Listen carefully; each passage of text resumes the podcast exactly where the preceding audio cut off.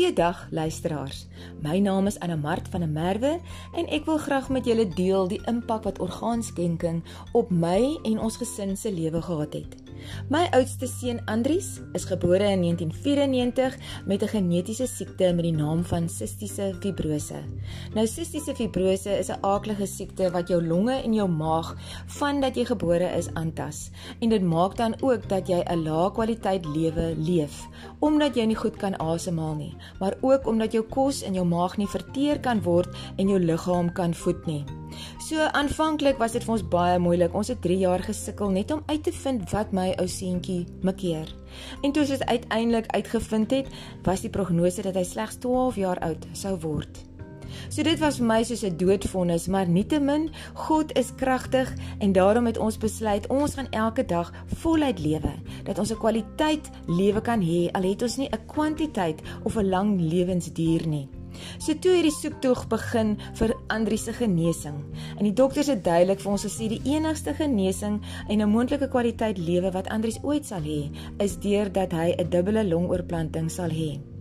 So vir 25 jaar en 7 maande het Andries was hy baie gehospitaliseer, hy was baie siek, hy het baie infeksies gehad, maar nietemin het Andries besluit al het ek hierdie lae longkapasiteit, al sukkel ek so om asem te haal, gaan ek skool klaar maak. En hy het hom gekwalifiseer as 'n chef in 2015 en hy het wel gaan werk by die welbekende restaurant Tokara en tans is hy werksaam by Huga Huga in Kerkstraat Stellenbosch.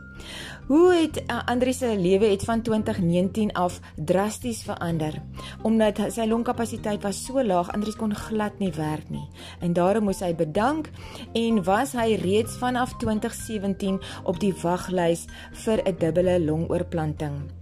Daar het egter geen geen longe sy opwagting gemaak nie. En in 2018 Desember het die dokters dan besluit om hom op die kritiese waglys te sit. En dit was regtig vir ons soos 'n swangerskap, want in Augustus 2019 op die 24ste Augustus het Andries dan die geskikte paar longe gekry. Daar is so baie dinge wat gebeur voordat jy hierdie longe kan ontvang. Jou liggaam moet voorberei word deur verskillende medikasie en deur verskillende oefening. En daar is ook baie belangrik, daar's baie toetse wat gedoen word om seker te maak dat hierdie longe of hierdie orgaan wat jy ontvang wel 'n perfekte match is met jou. En dis waarom dit so lank vat. Organe is nie altyd beskikbaar nie, want weet jy iemand moet sterf dat iemand anders kan lewe. En dit was vir my 'n verskriklike emosionele reis om daaraan te dink dat iemand se kind moet doodgaan dat my kind kan lewe. Nietemin was dit so wonderlik dat op die 24 Augustus na 10 en 'n half ure operasie in 2019 het Andries wel sy dubbele longe gekry en dit was so suksesvol. Hy was maar 12 dae in die hospitaal en daarna kon sy lewe opnuut begin. Ja, en hy moes baie pille drink vir antiverwerping en hy drink nog steeds baie medikasie. Hy moet steeds gaan vir baie bloedtoetse. So dit is ook nie net 'n vinnige oplossing en alles is nou wel gedaan en jy is nou klaar nie. Vir altyd moet Andre sy liggaam oppas. Hy moet hierdie nuwe geskenk van hom oppas sodat daar nie verwerping sal wees nie en dat hy 'n kwaliteit lewe kan leef. So dit is vir my wonderlik om te kan sê dat my kind leef vandag sy droom. Hy kan 'n chef wees. Hy kan sport doen. Hy kan enige iets doen waarop hy sy homself fokus want deur die skenkerlonge het hy werklik eintlik sy tweede lewe begin leef.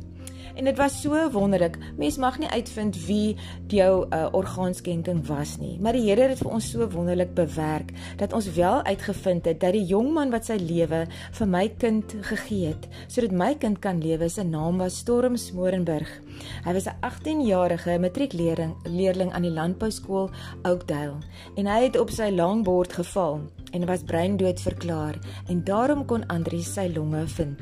Vandag is dit so 'n wonderwerk storie dat ek en Lisa, dit is Storm se mamma, is baie goeie vriendinne en dit was altyd die gebed van my hart dat wanneer my kind die orgaan ontvang dat ons daardie familie sal ondersteun, dat ons hulle sal ken en dat ons hulle sal vertroos te midde van hulle hartseer en ons vreugde. So dit is net 'n wonderwerk verhaal en ek is so opgewonde om dit met mense te deel en daarom wil ek jou ook aanmoedig dat jy asseblief as 'n orgaanskenker dit sal oorweeg om jou te gaan registreer. En dit is so maklik om dit te doen. Jy kan die Organ Foundation webblad gaan besoek by www.odf.org.za of selfs hulle Facebookblad of jy kan hulle skakel op 0800 66 22 11. En dan het ek ook 'n boek geskryf. En in hierdie boek beskryf ek ook die prosedure wat jy kan volg om jouself te laat registreer. En my boek se naam is Stilte voor storm, want ons was stil en niemand het ons storie geken voordat die storm en Storm Smorenberg ons lewens getref het nie. En van daar af is dit wonderlik want my kind het 'n kwaliteit lewe. Hy kan soos enige een van ons ander lewe, want God het dit so bestuur. En is so 'n bietjie geestelik. Jesus Christus het aan die kruis ook sy liggaam vir ons gegee.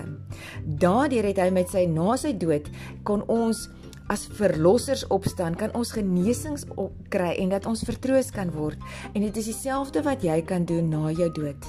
Na jou dood met die deel van jou organe verseker jy dat hulle nie net vergraag begrawe word en tot stof gaan nie, maar dat iemand anders se gebed verhoor word, dat iemand anders 'n kwaliteit lewe ontvang en dat God daardeur verheerlik sal word. Baie dankie dat jy na my geluister het. Mag die Here jou seën en mag sy Heilige Gees jou oortuig werklik om 'n orgaan en weselskenker te word, want jy kan sewe of meer mense se kwaliteit lewe verbeter. Hulle gebruik jou weefsel, jou korneas, al jou organe as jy gesond is. En moet ook nie bekommerd wees van ek is is dalk met HIV geïnfekteer dat ek nie my orgaan kan skenk nie. Jy kan dit steeds skenk want hulle gebruik dit vir mense met HIV wat ook wag op organe. Baie dankie en 'n heerlike dag hier vir julle.